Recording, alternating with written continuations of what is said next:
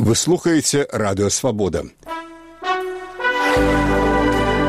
У эфіры актуальны каментар палітычнага аглядальніка Валера Карбалевіча.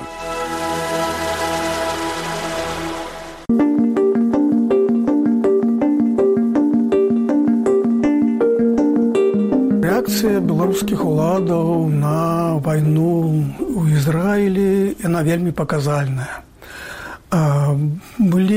былі дзве заявы мзс такія якія просто заклікалі да міру без гвалту не выказваючы падтрымку ніводнаму боку вельмі паказальна што беларускія ўлады маглі б выказаць спачування ізраільскаму грамадству бо напад быў на мірных жыхароў Прычым ахвярамі былі не проста жыхары, у якіх там трапіла выпадковая ракета.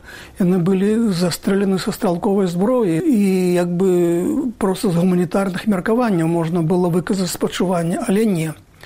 А тым больш мінская праўда надрукавала, каментар расійскіх прапагандыстаў блогераў які быў вы, вы, вытрыманы у антыізраільскім прапалесцінскім духу. Потым гэты каментар знік ну але ён вельмі паказальны справа ў тым што э, э, і расійскія і беларускія ўлады э, першым э, пунктам усіх каментароў на падзеі ў свеце э, выказваюць такую думку ва ўсім вінаваты амерыканцы А беларускі бок тут капіруе тое, што кажа Масква, тое, што кажа Крэмль. Ну і таму э, прыкладна такія ж каментары ў дзяржаўных медыях. Плюс э, тут спрацоўваюць такія, ведаеце, э, геапалітычныя лініі разлому. А, вядома, што галоўны саюзнік Ізраіля ў свеце гэта злучаныя штаты. А злучаныя штаты гэта галоўны вораг рассіі беларусі. Ну і таму пэўныя сімпатыі да палесцінцаў таксама тут. Ну зразумелыя хоць яны не выказваюцца ўслух але прапагандысты выказваюць некія настроі некія адчуванні. Ну і трэба звярнуць увагу што адносіны беларусі з арабскімі краінамі з мусульманскімі краінамі значна большыя значна шчыльнейшыя чым адносіны ізраілем У Ізраілі Лукашенко быў толькі адзін раз у 2000 годзе, а ў арабскія краіны ён ездзіць рэгулярна часта у арабскія эміраты, вось у Іране нядаўна быў, вось, а Іран стаіць за плячамі Хамасу. І э, таму вось такая логіка рэакцыі яна ну, цалкам адпавядае, той лініі міжнародных паводзін, якія сёння ладзяць беларускія ўлады. Сёння ізраільскаму кіраўніцтву не да таго, каб звяртаць увагу на такія нюансы. Зараз яно занята проста праблемай выжывання, праблемай ліквідацыі Хамас у сектара газа. Але э, э, ізраільскія медыі звярнулі ўвагу, ізраільскія каментатары, эксперты звярнулі ўвагу на тое, як на гэта рэагавала дзяржаўная, э, дзяржаўная прапаганда, дзяржаўныя медыі беларускія. І магчыма, што пасля таго, як э, гэтая э, кампанія ваенная закончыцца, Магчыма, будуць нейкія карэктывы э, ну, пазіцыі Ізраіля адносна Беларусі, ну і адносна э, вайны ва ўкраіне. Вот ёсць інфармацыя, што Владзімир Зеленскі ну, хацеў бы наведаць Ізраіль.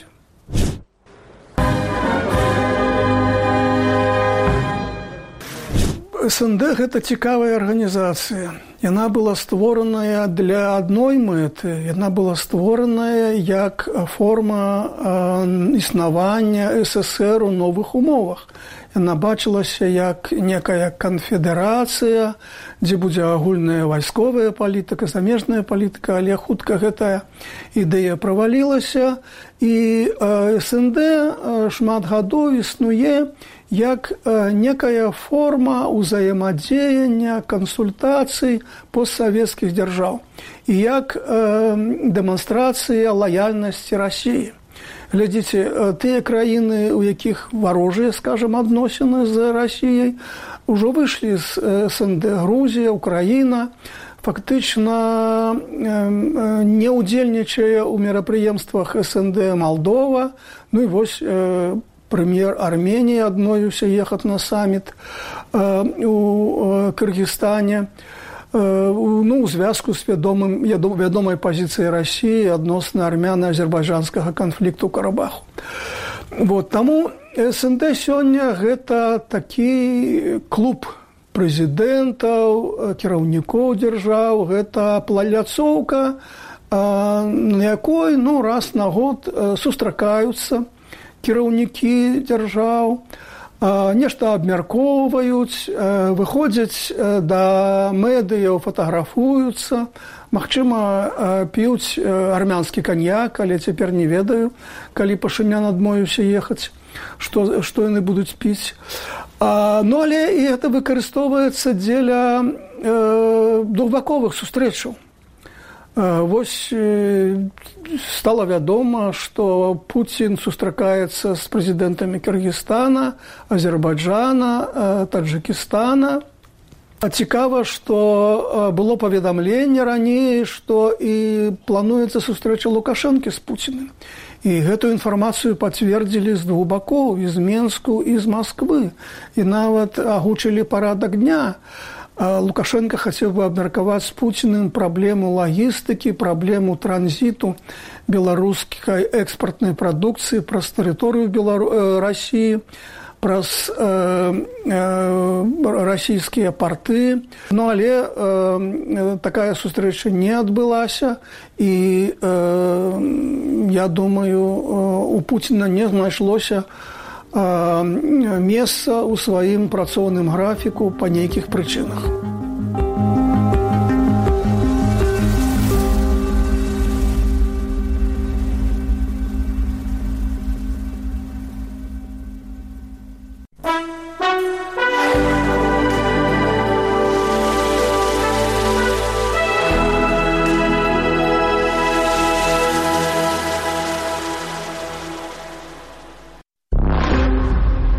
подкасты радыё свабода добрый дзень з вами Ганна соус і сёння моя суразмоўца знакамітая беларуская баскетбалістка экс-капітан беларускай баскетбольнай зборнай кацярына сныціна з лёндану і нагодай для нашай размовы сталі кацярына ваши апошнія заявы про тое што вы сустракаецеся з дзяўчынай а таксама про тое што завяршаеце прафесійную кар'еру у і цяперашні сезон у камандзе лондон лайнс кацярына новае першае пытанне чаму вырашылі зрабіць каменаут менавіта цяпер Наверное, так все совпало, потому что Николай Халезин предлагал мне участие в его шоу уже несколько месяцев назад, и мы обсуждали, о чем, о чем разговаривать, и вот именно эта тема, она всплывала чаще всего, и мне действительно хотелось э, рассказать об этой части своей жизни людям, потому что я не представляю себе, чтобы я еще три года назад об этом рассказывала так открыто э, в соцсетях, вот. Но то, что за эти три года я действительно общаюсь с огромным количеством белорусов, и всегда это только поддержка и тепло от них, и, а это огромная часть моей жизни, и я подумала, почему бы, если не сейчас. И Николай помог с этим, это было такое, знаете, не как бы не в лоб, да, то есть не, не, не из ниоткуда, а такое действительно было, как будто бы я ужинала с друзьями, и мы за столом обсуждали какие-то свои моменты, и я решила открыто об этом говорить. Ну, вот я бачила, як шмат было каментароў у сацыяльных сетках. Люди выказывали словы падтрымкі, радаваліся, што вы счастливая. И практычна не было заўважана хейту, што вельмі часта бывае ў такіх выпадках. А як падаецца, ці стало беларускае грамадства больш талерантнае за апошнія гады? Ёсць такое адчуванне? Я вам скажу, что вот сейчас это третий день, и я до сих пор не получила до сих пор не получила ни одного негативного сообщения. То есть э, я предполагала, что позитив перевесит негатив, но чтобы было вообще по нулям, э, я такого не ожидала. И еще, наверное, э, причина, почему я сделала это сейчас, а не раньше, да, до 20 или даже 20 потому что э, я уверена, что мы как общество, которое хочет идти, идти в демократическом направлении, мы должны это уже начинать обсуждать, принимать, жить в этом а, уже сейчас, а не только когда мы вернемся в Новую Беларусь. Да, я получила огромное количество сообщений от людей с благодарностью а, о том, что поделилась с ним этим, о том, что я как публичное лицо сказала об этом вслух, а, потому что многие из них, и парни, и девчонки мне писали, что не имеют такой же возможности, находятся в такой же ситуации, но не имеют такой же возможности вслух это обсудить не только в обществе, но и даже со своими семьями. А, вот, поэтому это такое... Я сейчас рассказывала, у меня волосы дыбом становятся, что я вспоминаю сообщения людей. Это было это действительно была какая-то супер поддержка от белорусов, которые находятся вокруг меня. Я понимаю, что это не вся Беларусь, я понимаю, что это не, не все наше население, но вот это вот для меня огромное количество людей, которые меня поддержало, приняли э, и вот послали свою любовь и энергию и пожелания там нашей семье, счастья и так далее. Это для меня было очень значимо, и я благодарна каждому. Это, ну, это классное ощущение. Я шмат гадоў была вядучай перадачы толькі жанчыны на радыё свабода і гадоў 5 таму у меня была перадача прысвечаная жанчынам якія таксама прызналіся ў тым што маюць партнерак адна жанчына зрабіла гэта ўпершыню на гэтай перадачы. Але все тры яны казалі наколькі складана ім было ў сям'і каб іх бацькі прынялі іх выбар. Як гэта у вас было? Ці прынялі ваш выбар ваши бацькі? Да мне мне повезло потому что в этих же сообщениях, которые мне писали, люди говорили, что мы сделали камин внутри своей семьи, и семьи от нас отвернулись. Но мои родители, в принципе, мы никогда открыто это не обсуждали. А, но потому что еще, скорее всего, потому что 17 лет я не живу дома, и если, когда я возвращалась в Минск, там месяц мы проводили вместе, то какие-то личные такие моменты я это не упоминала и не обсуждала, поэтому как бы такое, это не было табу, но просто я никогда ничего, очень много информации им не давала никогда. А здесь, уже встретив Надю, и этим летом я поняла, что я хочу родителям об этом, об этом рассказать, потому что это уже больше, чем просто какие-то отношения для меня, это уже она уже часть моей семьи. И да, я рассказала родителям, это я получила слова поддержки, а, люди, вся моя семья, они были рады и счастливы. И вот теперь я жду не дождусь, когда а, просто по обстоятельствам, по времени мы сможем собраться все вместе, всей одной большой семьей и поужинать вместе, и просто быть, вот как одна семья, быть вместе за одним столом Калі гэта не прыватная інфармацыя, маглі б вы расказаць пра вашу надзю, як вы пазнаёміліся, як развіваліся адносіны? А, во всем виноват Халезин. А, на самом деле, просто немножко предыстория. Я познакомилась с Николаем и с Натальей еще в Вильнюсе а, в 2021 году. То есть они меня узнали уже лично, и я тоже с ней познакомилась. И потом, когда в прошлом году я приехала сюда в Лондон играть, я пригласила их на свою игру. Они пришли с Надей, но тогда после игры такой хаос обычно. Я просто бегу на трибуну, обнимаю своих друзей и убегаю обратно уже как бы на собрание. И после этой игры через какое-то время мы договорились наконец-то на ужин, чтобы встретиться на ужине. И Коля написал, спросил, ну что с нами Надя будет? Я говорю, супер, отлично. Вот. И все, в принципе, с 25 ноября, с того вечера, с того ужина мы уже с Надей не расставались. Так что как бы как он это объясняет, что он все знал, он все рассчитал, потому что он знал, знает и меня, и Надю, и понял, что мы просто подходим друг к другу.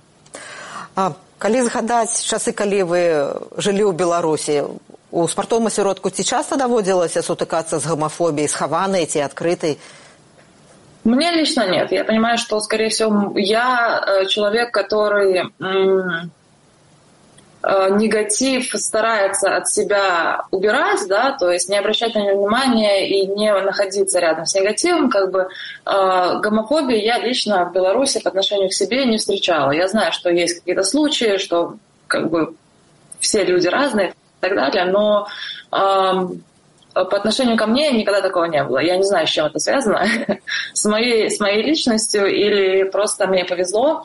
Вот. Но я как бы я с гомофобией в Беларуси не встречалась.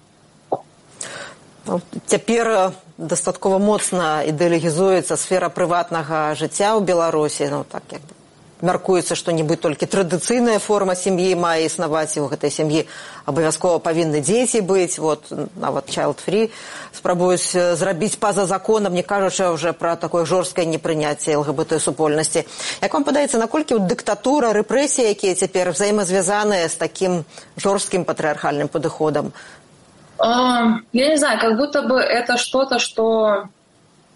Потому что для меня быть в отношениях женщина – это свобода. А, я свободна, я, это мой выбор, это не то, что мне диктуют э, какие-то правила общества и так далее. Это то, что выбрала я, что для меня лучше. И но диктатуре так, такой вариант не подходит. Диктатура идет прямолинейно, и они сказали вот так, значит, все должны быть под одну гребенку. Но так общество не развивается. Мы все очень разные. И э, мне кажется, потому что вот эта свобода внутренняя, я считаю, что есть внутренняя свобода у людей ЛГБТ, которые приняли то, какие они есть, и э, идут вот в этом направлении, да, это их свобода. А диктатура борется против свободы. Поэтому, а, конечно, у них это только мужчина и женщина, запретить child free. Как это вообще? Ну, ну, понимаете, даже сама формулировка запретить child free, это, это вообще это дурдом какой-то. Ну, в принципе, ничего нового от нашей диктатуры, да. Ну, это то, што ў двадцатым годзе калі сотні тысяч людзей былі на вуліцах былі ў тым ліку людзі са сцягамі з, з вясёлкай это таксама напэўна пэўны сімптом спеласці дэмакратычнага грамадства беларускага якое тады было на вуліцах. Uh, да на самом деле я Но так как я уже говорила, что у меня в 20-м не было в стране, я за всеми нашими событиями наблюдала онлайн, и я на каких-то фотографиях видела, и потом я, мне посчастливилось познакомиться с Настей Базар, которая была на этих маршах э, с ЛГБТ-флагом. Но это, ну, это просто офигенно. Вот это свобода. Это свобода людей, которые хотят прийти на марш, а, и быть с тем флагом, который у них ассоциируется. Это классно. Потому что, э, к сожалению, встречаются моменты, когда, допустим, э, этим летом я пошла на прайд, он был в Вильнюсе, я пошла на прайд с БЧБ флагом. И белорусы принесли огромный БЧБ флаг, и мы в колонне прайда э, в свободной стране мы шли с нашим флагом. И мне писали, зачем ты принесла БЧБ флаг на прайд? Так не надо. Причем мне писали это свободные спортсмены, то есть мне писали люди, с которыми я считала, что у нас есть, мы движемся, мы хотим, мы видим вот эту новую Беларусь, довольно-таки одинаково. Но оказывается, а, это еще огромный путь. Это еще огромный путь к тому принятию, которое мне бы хотелось, чтобы у нас было в Беларуси. Потому что принести БЧБ флаг на прайд, я вообще не вижу в этом проблемы. Это мой выбор. Куда я хочу, я туда хожу. С тем флагом, с каким я хочу. Но это, конечно, это, это все, это работа, это огромный путь. Я хацела яшчэ запытацца вот вы кажаце пра тое што вы не сутыкаліся з гамафобіяй але тым не менш вы ведаеце што ну гэта, гэта існуе існавала ў беларусі як шмат беларускіх спартовак спартоўцаў вымушаны хаваць сваю арыентацыю знаете я всю жизнь играла в европе в турции и так далее в каждой команде были пары а, может быть, не вместе, да, но в каждой команде были девчонки, которые встречались с девчонками. И, ну, это 30, 30 как минимум 30% игроков. Поэтому я не считаю, что э, в Беларуси эта цифра может быть ниже, может быть выше, я не знаю, потому что я в Беларуси практически не играла э, в профессиональной команде, но это как будто бы для меня эта цифра адекватная вот у нас как бы 70% общества, да, оно э, мужчина-женщина, 30% это мужчина-мужчина или женщина-женщина. Э, мне кажется, наша страна не так сильно отличается, чтобы у нас этот процент был вообще ноль или там, не знаю, один процент. Так что я считаю, что в каждой команде а, есть представители ЛГБТ-сообщества. И это, ну, это не что-то такое э, сверх необычное. Мне кажется, это довольно-таки обычное явление. Просто, да, просто об этом не принято разговаривать, и э, мужчины, скорее всего, больше этого стесняются и прячут это в своей команде. Вот. Ну, я уверена, что практически в каждой команде можно найти э, человека, который э, вот такой ориентации. вы кажаце вы не так шмат у беларусі але калі вы былі капітанам беларускай баскетбольнай жаночай зборнай таксама гэтая прапорцыя была можа не, не такая яна была відавочна але схаваная 30 процентаў про якую вы кажаце Сейчас посчитаю.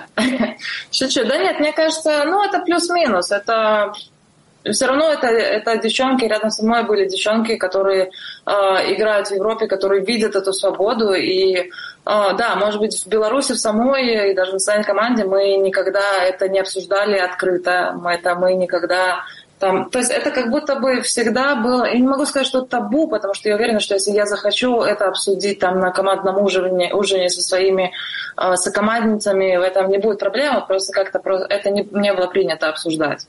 Вот. Но да, конечно, есть не только я. Пасля таго як выйшла youtube шоу на youtube канале мікалая халезіна кулінарная дзе вы бралі удзелы дзе вы зрабілі гэтае прызнанне як змянілася ваше жыццё Ніяк. вот это мое первое интервью на камеру, получается. Прошло три дня, это первое интервью. Я понимаю, что будут э, у меня уже запланированы другие интервью, но так, чтобы я проснулась, э, не знаю, знаменитая, да, такого, такого нету.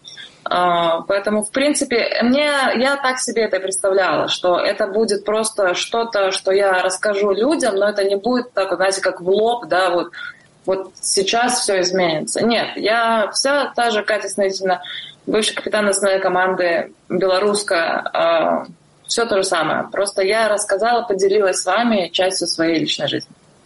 Ну, нашу аўдыторыю безумоўна цікавіць не толькі гэта вы заявілі это вельмі важная таксама заява і многія напэўна шкадуюць пра гэта што завяршаеце прафесійную кар'еру што это ваш цяпер апошні сезон і вы сказалі в этом важна я слухала ваш зварот што будзе весела бо гэта жаночы баскетбол можете патлумачыць um, да даже сейчас мы отыграли две игры и все были уверены и я тоже что мы спокойно выиграем эти игры и пройдем Евролигу это высший европейский uh, турнир в Европе вот но мы ложанулись. И мы не будем играть в Евролиге, мы будем играть в Еврокубке. Это вот второй по силе европейский баскетбол сейчас. То есть ты никогда не знаешь, в принципе, э, как, как сыграет команда, потому что казалось, что ты супер, мы супер подготовлены, мы очень мотивированы, мы вот сфокусированы только на этих двух играх, а вышли на площадку и просто как будто руки отнялись, ничего не могли сделать две игры. Вот. Э, да, я приняла решение заканчивать с баскетболом, потому что ощущение, что я уже наигралась. Э, то есть у меня уже давно идет очень ровно по эмоциям. Мы проиграли или выиграли. Да, я, конечно, расстраивалась и так далее, но, наверное, просто вот эта усталость, накопившаяся за 21 год, это только профессиональная карьера. То есть я еще там с 5-6 класса тренируюсь по два раза в день и так далее. И в августе у нас был тренировочный сбор, и у нас э, была, в сумме была семичасовая тренировка. И я подумала, боже мой, типа, надо ли мне это еще или нет. И просто поняла вот на этом сборе, что, наверное, а, вот еще один сезон, я отыграю свое удовольствие, и вот на этом вот пике, да, когда мне еще приятно играть в баскетбол, я могу это делать, мне это в кайф, вот уже стоит заканчивать. Вот, поэтому приглашаю всех белорусов, мы будем играть в Еврокубке, мы будем ездить по Европе, я буду выставлять э, игры, расписание игр, и я очень надеюсь, что многим из вас э, получится прийти на мои игры и посмотреть на меня, вот в таком моем заключительном сезоне. Вот вы другий год гуляете за команду Лондон Лайонс, так? Расскажите про эту команду, про вашу роль у ее, про поспехи команды. Ну, так як разумею, апошние матчи не, не самые поспеховые, але тем не меньше. А, в прошлом сезоне мы выиграли все, что только можно было в самой Англии. А, прошли довольно-таки далеко в Еврокубке.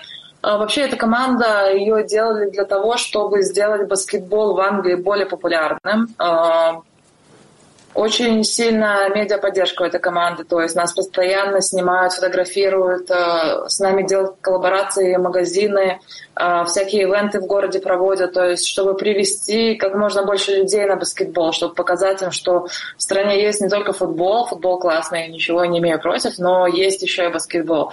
И вот я здесь живу около э, зала, и вот я реально выхожу в своей обычной одежде, то есть даже не в, не в Лондон Лайонс одежде, меня на улице узнают, то есть приятно, то есть понятно, что клуб работает над комьюнити вокруг, вокруг нас. Вот. Это просто э, я для себя поняла, что мне прикольно находиться в команде, которая хочет не только выиграть игры, но хочет сделать баскетбол в собственной стране более популярным. И я смотрю на какие-то моменты, я смотрю, как они работают над этим, мне просто интересно, и я рада, что у нас это получается. Вот. А баскетбол, да, у нас есть большая цель. После, так, так как мы не попали в, Евро, в Евролигу, то постараться выиграть Еврокубок и, как, э, как и в прошлом году, взять все, все трофеи в самой Англии.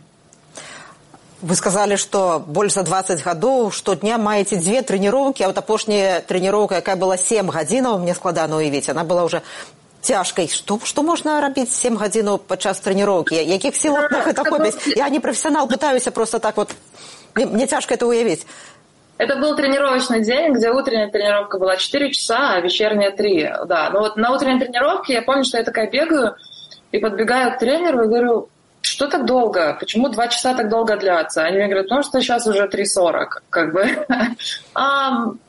Команда новая. А, нас пытаются всех вместе совместить, чтобы мы играли как одно целое. И это очень много нюансов. И не могу сказать, что все эти там 4, 3, 7 часов мы носились туда-сюда. Вот. Это очень много тактики, очень много а, объяснения, зачем мы вот это делаем и где там я должна находиться в то время, как другой игрок будет находиться и так далее. Вот, да. Но это просто, это изматывает, если честно. И, и даже не мне, которая 38 лет, но и девчонкам, которые намного моложе, вот, они тоже не выглядели очень очень уставший. А, да, получается, какой-то период своей карьеры, вот в Турции, допустим, они просто не делают а, двухразовую тренировку, они делают одну длинную, да, там 4-5 часов в сумме это как бы есть, но да, вот такая моя жизнь, что я огромное количество времени провожу в зале, а, и уже где-то где мне уже хочется, если честно, пожить другой, простой, что ли, жизнью, немножко другое. Калі працяглую трэніроўку зрабіць за метафору я згадваю мы некалькі разоў рабілі інтэрв'ю і кожны раз выкарыстоўвалі такую метафору вы параўноўвалі беларускія мірныя пратэсты з маратонам.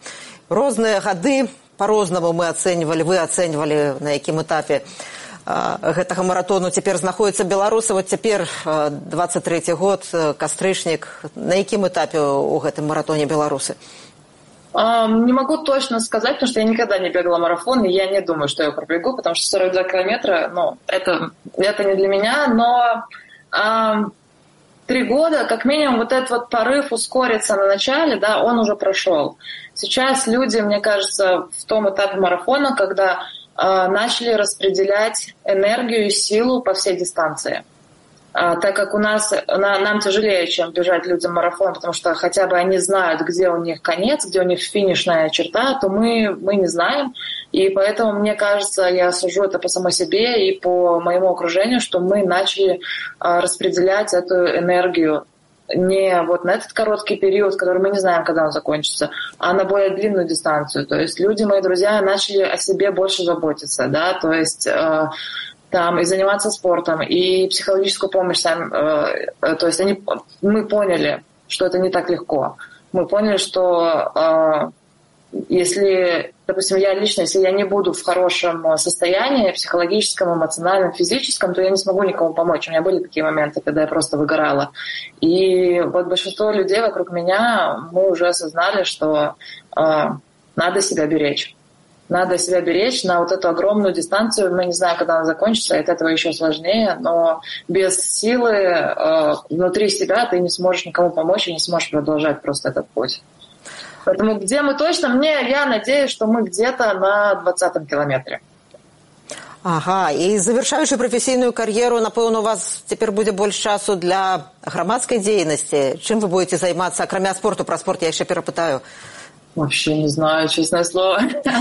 А, я, я я подумала немножко пострадать по этому поводу, что типа, боже мой, куда э, завершая одну деятельность, у меня нету чего-то запасного, да, то есть нету какого-то э, запасного варианта, но потом я подумала, что, ну, значит, придется время, значит, со временем, тем более еще целый сезон, еще практически 8 месяцев я буду играть в баскетбол, и я подумала, что в течение этих 8 месяцев, ну, я что-нибудь придумаю или что-нибудь всплывет у меня так очень часто в жизни происходит, что а, когда я отпускаю ситуацию, да, у меня приходит очень много вариантов. И а, я уверена, что следующим летом что-нибудь, уже чем-то я буду заниматься, это точно.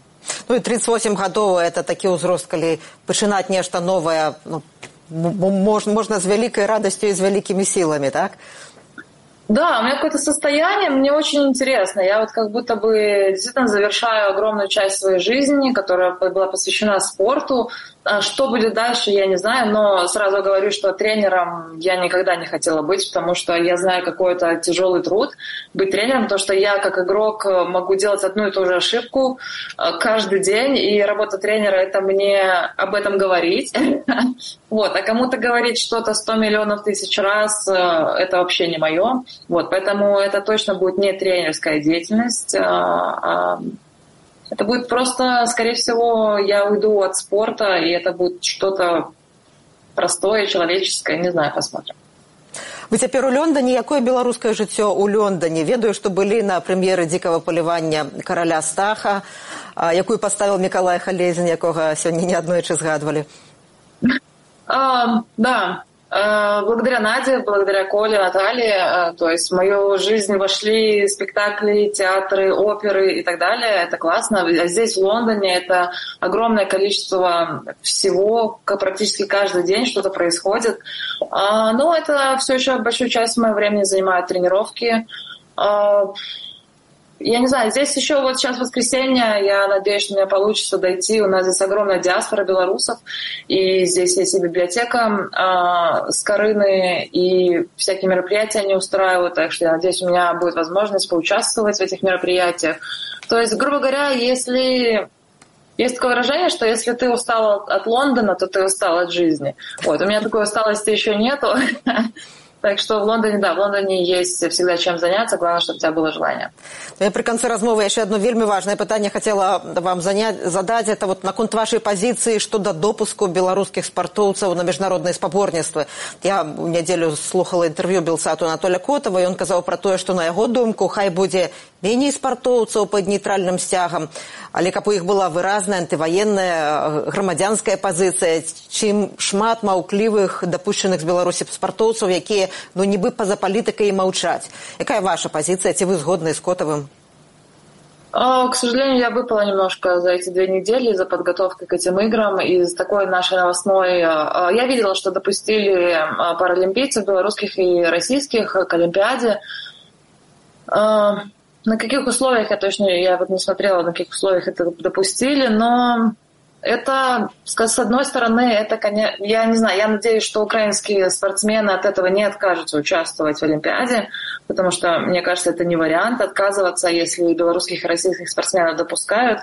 Но это, это вот то, что мне кажется, то, что в мире столько всего происходит, и нужно продолжать давить свою линию, да, продолжать напоминать людям, что война это это как война, это не просто какое-то событие, это событие, которое приносит смерть, и спортсмены тоже огромная часть, большая часть вот этой машины диктатур, диктаторской и так далее, что мы, мы как спортсмены, я понимаю, что я в свое время была не люблю говорить, что меня использовали, но да, я представляла диктатуру в Европе, получается, потому что я была капитаном национальной команды, игроком национальной команды. И даже если у них э, заберут флаги и под нейтральными флагами или без гимнов они смогут выступать, все равно для меня кажется, что это это недоработка сил, которые борются против таких допусков и так далее. Но мне кажется, что пока война не закончилась, они не могут играть, выступать, особенно на Олимпийских играх, э, со всеми как бы правилами Олимпиады, да, зачем Олимпиада была создана и так далее. Вот, поэтому, ну, это, это на самом деле, мне кажется, что это очень плохое событие для мирового спорта в том плане, что если допустили на Олимпиаду, то будут начинать допускать и для, на, на другие виды спорта все остальные. Катерина, дзякуй вялікі за тое, што знайшлі час для свабоды прэміум. Дзякуй вялікі за шчырасць. Всяго вам найлепшага. Будзем чакаць вас на нашым YouTube-канале регулярна. Дзякуй вялікі. Спасибо большое за разговор. Гэта была знакамітая беларуская баскетбалістка, экс-капітан беларускай баскетбольнай зборнай Кацярына Сныціна з Лёндану. Я Ганна Соваць развітваюся з вамі, заставайцеся са свабодай. Вы слухали падкаст радыёвабода. Усе падкасты свабоды ў інтэрнэце на адрасе свабода кропка орг. Штодня, у любы час, у любым месцы, калі зручна вам. Свабода кропка орг. Ваша свабода.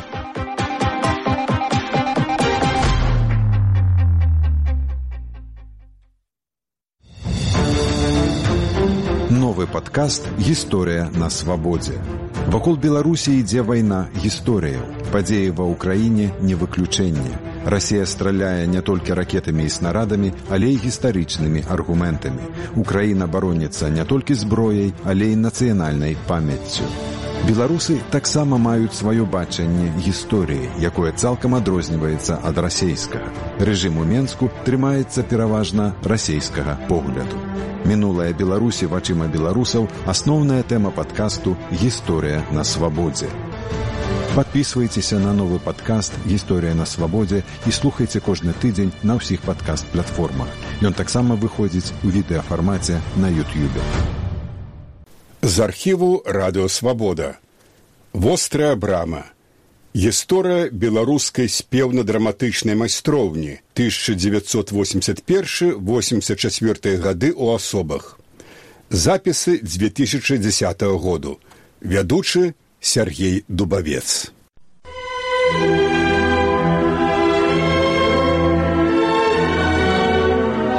Вострая брама. Гісторыя аднаго цуду. Перадача Сергея Дубаўца.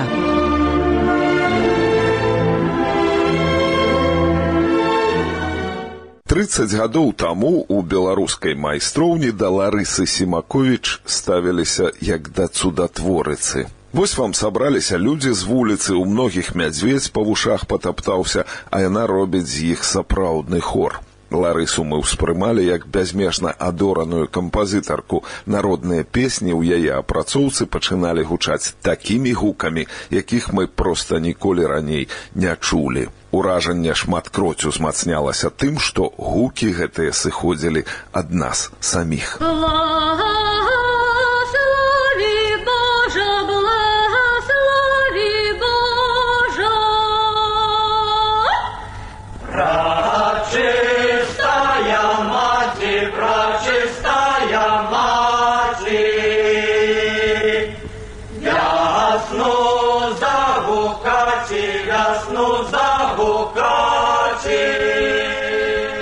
праз песню Ларыса рассоўвала нашы рамкі пазнання свету, ад чаго шырэйшымі рабіліся нашы погляды. І гэта быў рэальны набытак на ўсё астатняе жыццё.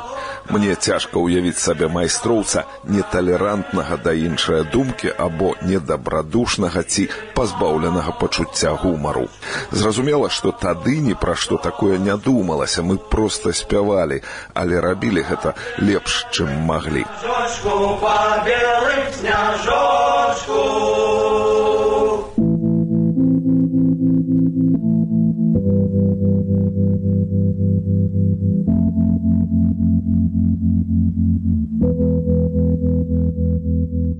Майстрам у нашай майстроўні была яна, Ларыса. Астатнія былі вучнямі ці чаляднікамі. Хоць мы ўсе і належалі да аднаго пакалення і паводзіліся па-сяброўску, як бы таго не хацела сама Ларыса, а яе ўмельства, роля і характар узвышалі яе па-над астатнямі. Гэта была плённая субардынацыя, бо вучні падцягваліся да майстра. Калі мы самі вучыліся, дык яе ўспрымалі як ужо навучаную, прычым гэткае ўспрыманне пашыралася не толькі на спевы, а і на ўсё астатняе. Мы фармаваліся, а яна ўспрымалася як ужо сфармаваная. Але гэта, як высвятляецца сёння, было не зусім так. Думаю, што быў працэс фармавання і пошук аднадумцаў і вось той момант, калі я іх знайшла. Не сфармаваная наўрад ці я была асобай. Я і зараз не до конца сфармавала. У меня еще все напереде. памятаю што я здавала нават іспыты у кансерваторыі і у меня нават быў такі стымул матывацыя што вот я вывучваю столькі столькі значит матэрыялу і са спакойнай душой іду на рэпетыцыю майстроўню калі мы там сёмая вось мы там збірались вот это адчуванне добра зробленай работы як бы ты заслугоўваеш ну десерт альбо там падарунак альбо вот некую палёгкаю так што супраць таго вывучанага матэрыяла может не зусім прыемныя прадметы былі кпсс там ці ці што-нибудь яшчэ Гэта безумоўна было прыемна не гэта было і лёгкае прынцыпе для мяне з'явай таму што вучыць спяваць дырыгаваць кіраваць для мяне это лёгка кіраваць лёгка таму што па сутнасці я лідар а тады это просто лёгка было таму што на супадзенне было паміж маімі амбіцыямі колішнімі і тым што па-добраму патрабавала жыццё ад мяне і тыя людзі студэнты з якімі я тады была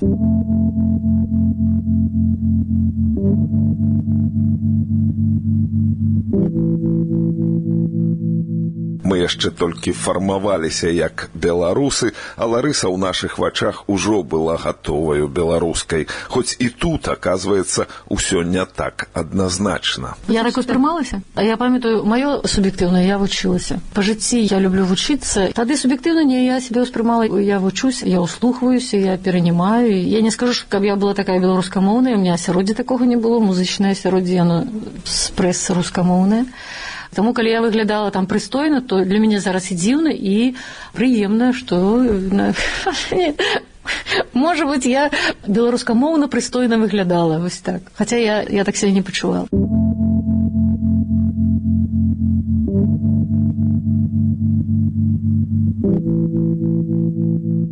Все вельмі проста і тое, што ад мяне не залежыць пачуццё справядлівасці. Калі яно ёсць, а яно ва мне ёсць пачуццё справядлівасці. І безумоўна, я заўсёды занимаю пазіцыю тых, да якіх несправядлівы я альбо нешта несправядліва беларускай мовы і зараз не з моцных партнёраў разумееце і зараз ёй трэба больш дапамагаць чым расійскай мове а тады тым больш і гэта ідзе ад некага такога не ад свядомасці а просто ад э, такого ну чалавечага я просто абвостраны гэта адчуваю заўсёды пачуццё справядлівасці карэніцца дзесьці ў генах маладога чалавека яно яшчэ не кіруецца развагаю і здаровым сэнсам падобна што ў аснове ўсяго найноўшага беларускага руху ляжыць менавіта яно ужо не крыўда на свет цэлы а абвостраная рэакцыя на прымусовае забыванне культуры тваіх продкаў. На пачатку 1980х кожны беларускамоўны беларус усіх астатніх такіх самых ведаў у твар. Сёння ж іх ужо тысячы.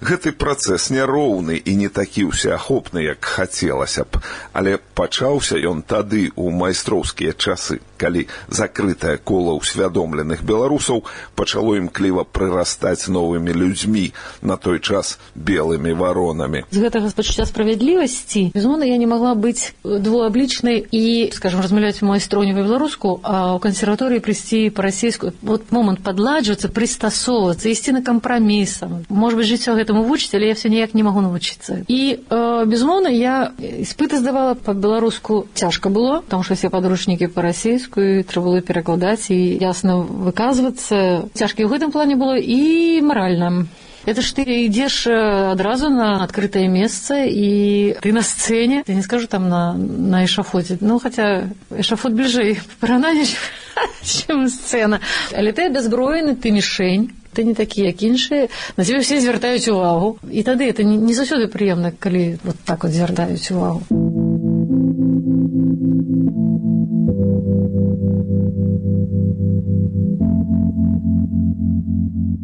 Асаблівасць кожнага цуду ў тым, што ён абавязкова сканчаецца, саступаючы месца прозе жыцця. Цуд нараджэння адбыўся і цяпер трэба проста жыць. Аказваецца, што дастаць сонца або навучыць людзей з вуліцы спяваць прафесійна было можна, але толькі на хвілінку. Скокнуць вышэй галавы ўдалося аднойчы на самым пачатку 1980-х. Адзін з плённых вынікаў работы з майстроўняй чыста прафесійных такіх вынікаў гэта тое што з непрафесіяналамі прафесійнай справы не зробіш гэты вынік я зрабіла а на той момант калі я гэта пачынала у меня была абсалютная вера што цягам часу і пэўнымі намаганнямі можна дасягнуць вельмі высокага ўзроўню якога я хацела дасягнуць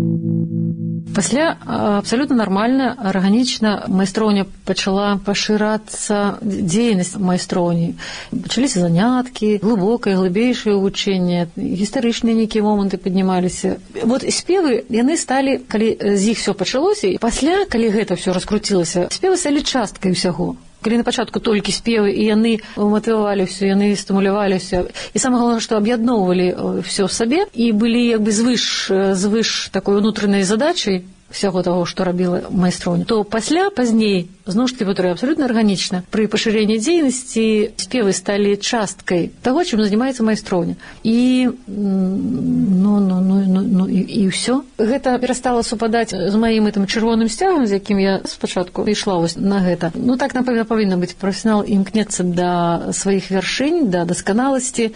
Я беру вяршыню для того каб з яе ўбачыць наступную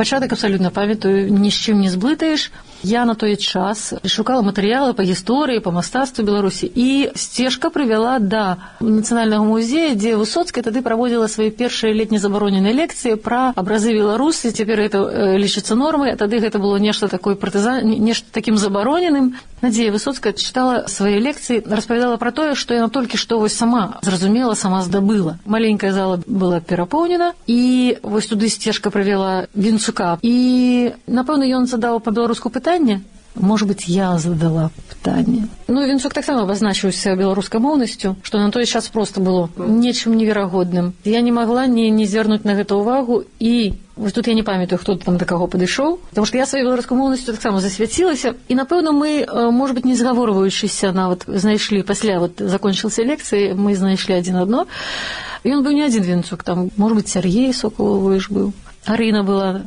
і нязмушана разгаварыліся хто што напярэдадні калядаў гэта было зімой снежань чамусьці мне зараз выстрэльвае лічба 12 12 снежня не ведаю і памятаю што вінцук альбо хто там попрасіў мяне прапанова як бы это паспяваць калядныя песні пакалядаваць упершыню і ці не могла бы я гэта зрабіць да мяне звярнуліся з просьбай я памятаю тады ў маю галаву не, не могла прыйсці эта ідэя калядаваць і вучыць калядныя песні это э, нечая ідэя але я на яе згадзілася і так узнікла майстроўня асаблівасць ларысы семакович як музыкі ў тым што яна ўвесь час вакол сябе кагосьці гуртуе стварае розныя музычныя калектывы камбінуе і спалучае іхныя магчымасці самая знакамітая сярод такіх госціца што існуе ўжо шмат шмат гадоў. І тады, калі Ларыса стварала майстроўню ў майстроўскія часы, яна кіравала хорам радыё і тэлебачання, у яе быў і дзіцячы спеўны калектыў і прафесійны квартэт каралёначкі, які на святах спяваў разам з майстроўняй і выклікаў у майстроўцаў бясконцае захапленне. Иерусалим, каля места, и там и шла Божа Мати, несла свечечку громничную, и просвирочку пшаничную,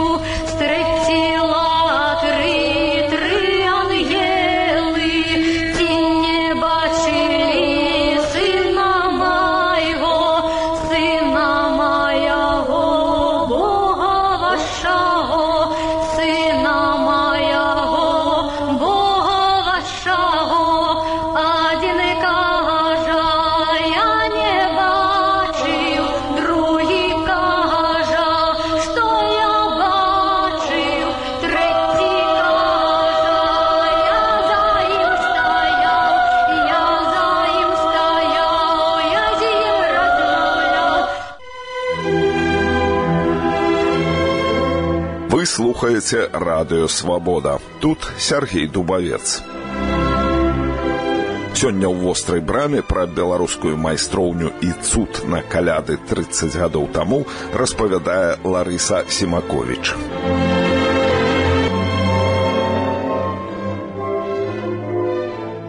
майстроўскі цуд здзейсніўся і як флюід пасяліўся ў душах многіх маладых людзей стаў іхнай жыццёвай праграмай цяпер яны панясуць яго іншым.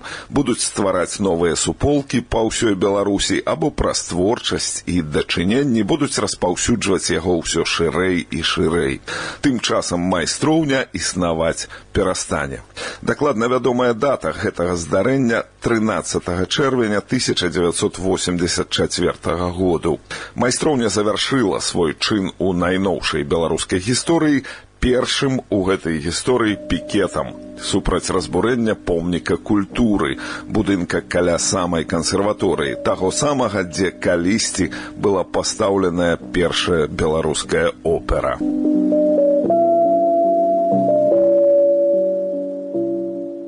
гэта была субота цёплы дзень быў летняя сессия на, наперадзе і пры выхадзе з кансерваторыі я ўбачыла вось вось гэты гвалт як это баба металічная я па сцяне некуды я кіравалася убачыла гэта вось далей все пачынаецца на спонтанна на пачуццях калі галава не ўключаецца толькі інстынкты працуюць чамусьці мне захацелася вярнуцца ў кансерваторыю просто бегма і на прыступках я сустрэла владимира владимировича лоўнікова рэктара кансерваторыі на тым я убачыла што ён спускаецца і я яму я пачала яму расказваць што руйнуецца помнік нешта спакойна ён мне прамармычаў я пабегла на філфак і каго ўбачыла таму расказала. Дакладна памятаю гэнік лойка юлія лыскова нас калі десятка было віолета вінцук і гэнік лойка піша плакат руйнуецца помнік по-моему пішацца и мы идем и становимся насупраць этой бабы, которая руйнуя. Я памятаю, что я сказала, что той, хто сумняваецца,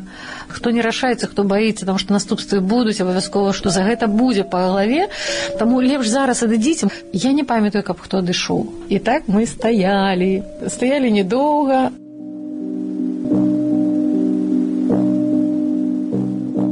напэўна это першы беларускі пікет першы просто ў гісторыі беларусі. Вось такі палітык ну пікеты ёсць такая палітычная акцыя. Мы тады безумоўна гэтага не ведалі што это называется пікет. Мы тады можа быць і, і, і сябе апярэджвалі падышоў міліцыянер сказаў што мы замінаем спаць хаця мы по-моему не крычалі нічого самая позняя 9 гадзін нас папярэджвалі падыходзілі міліцыянеры а праз некаторы час насупраць нас спыніўся гэты козлік міліцэйская машына і нас жорстка ветліва запрасілі прайсці карцей мы все пайшлі і цэлую ноч там мы правялі вот туды куды нас завезлі недалёка ад кінотэатра перамога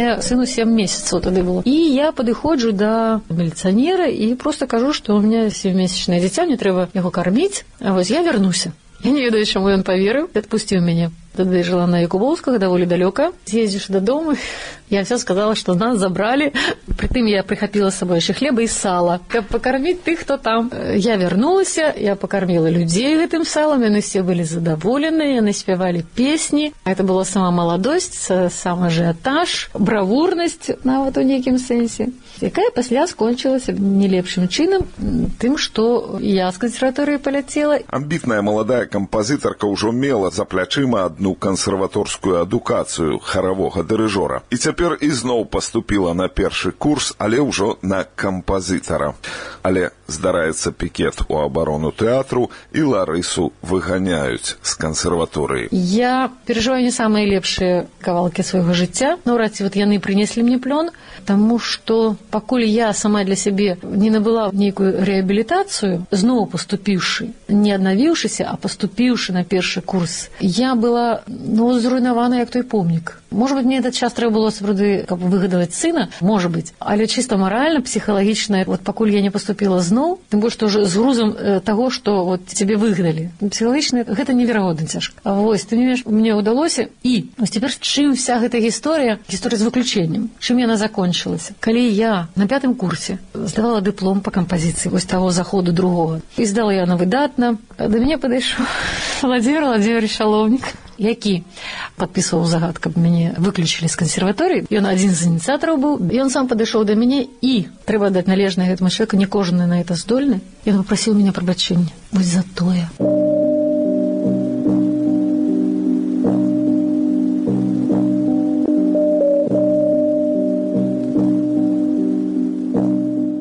музычнай кар'еры ларысы семакович было мноства ўзлётаў і здабытых вяршыняў але ёсць і асабісты рэйтынг дасягненняў якія не заўсёды знойдзеш у даведніках на маю думку не апошняе месца там займае беларуская майстроўня што да іншага дык ларыса кажа пра трэцюю вышэйшую адукацыю каб назваць яе нам спярша спатрэбіцца перадгісторыя дакладней пасляслоўе. Рэйтынг лепшых значных падзей восьмага года ў культуры першае месца заняла свадьба Стравінскага, была пастаўлена на сцэне Белдзяржфілармоніі. Упершыню ў гісторыі наогул Беларусь. Паставіла гэту свадебку я. Я рэжысёр-пастановшчык і харэограф. Галоўную партыю невесты спявала Саша Грахоўская, выхаванка госціцы і што больш за неверагодна, што ніхто не то што ў беларусі ніхто ў свеце стравінскага не спявае без нот на памяць это просто немагчыма александра грахоўская гэта зрабіла. Ніхто ў свеце адначасова не спявае і не танцуе партыю нявесты саша грахоўская гэта зрабіла. у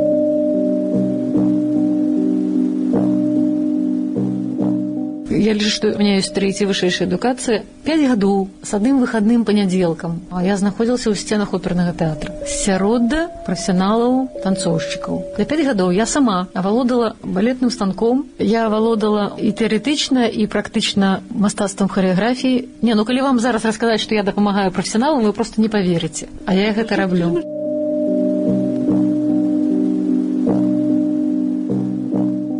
Творчасць кампазітаркі Ларысы Семаковіч цэніцца калегамі і публікай.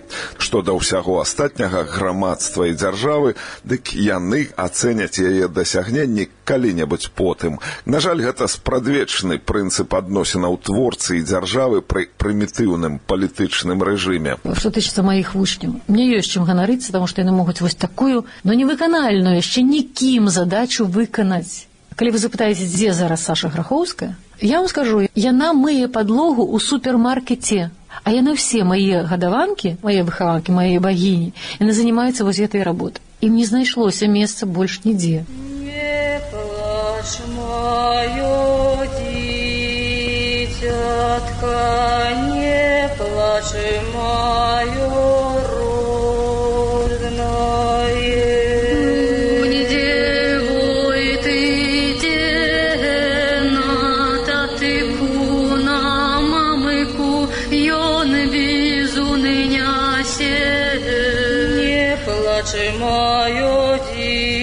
дитятка, не плачь, мое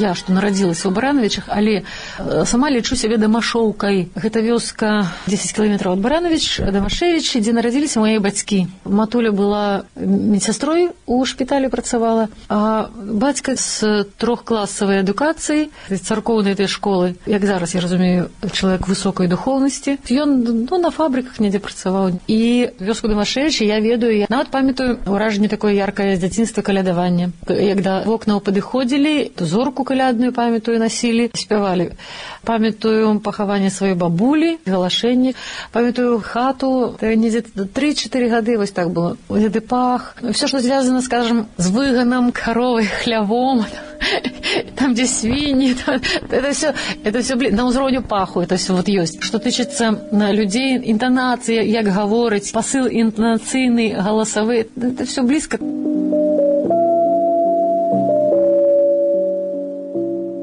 выпадак з маёй вёскі прыехалі людзі не да мяне я просто апынулася ў той час у тым месцы дзе яны сядзелі размаўлялі вось гэты гук ён мяне вёў транс сон не сон я не, я не ведаю в чым справа я, я тады не могла зразумець я не могла выбрацца адначасова хочется выбрацца з гэтага стану тому что гэта кругом людзі вот это ў сценах філармоні дарэчы было а з другого боку это неверагодна прыемна я пасля запыталася адкуль яны што яны оказывается это з маёй мясцовасці людзі былі это на меня вот так вот уздзейнічала ну это же вібрацыя нешта прыйшло ў резонанс з нечым на ўзроўні ветру на выгане і колер травы і як яна спалучаецца з колерам дрэва далей аер а значит трошки балота значит балоцістая вільготная вот атмасфера сцяна этой хаты а там далей лес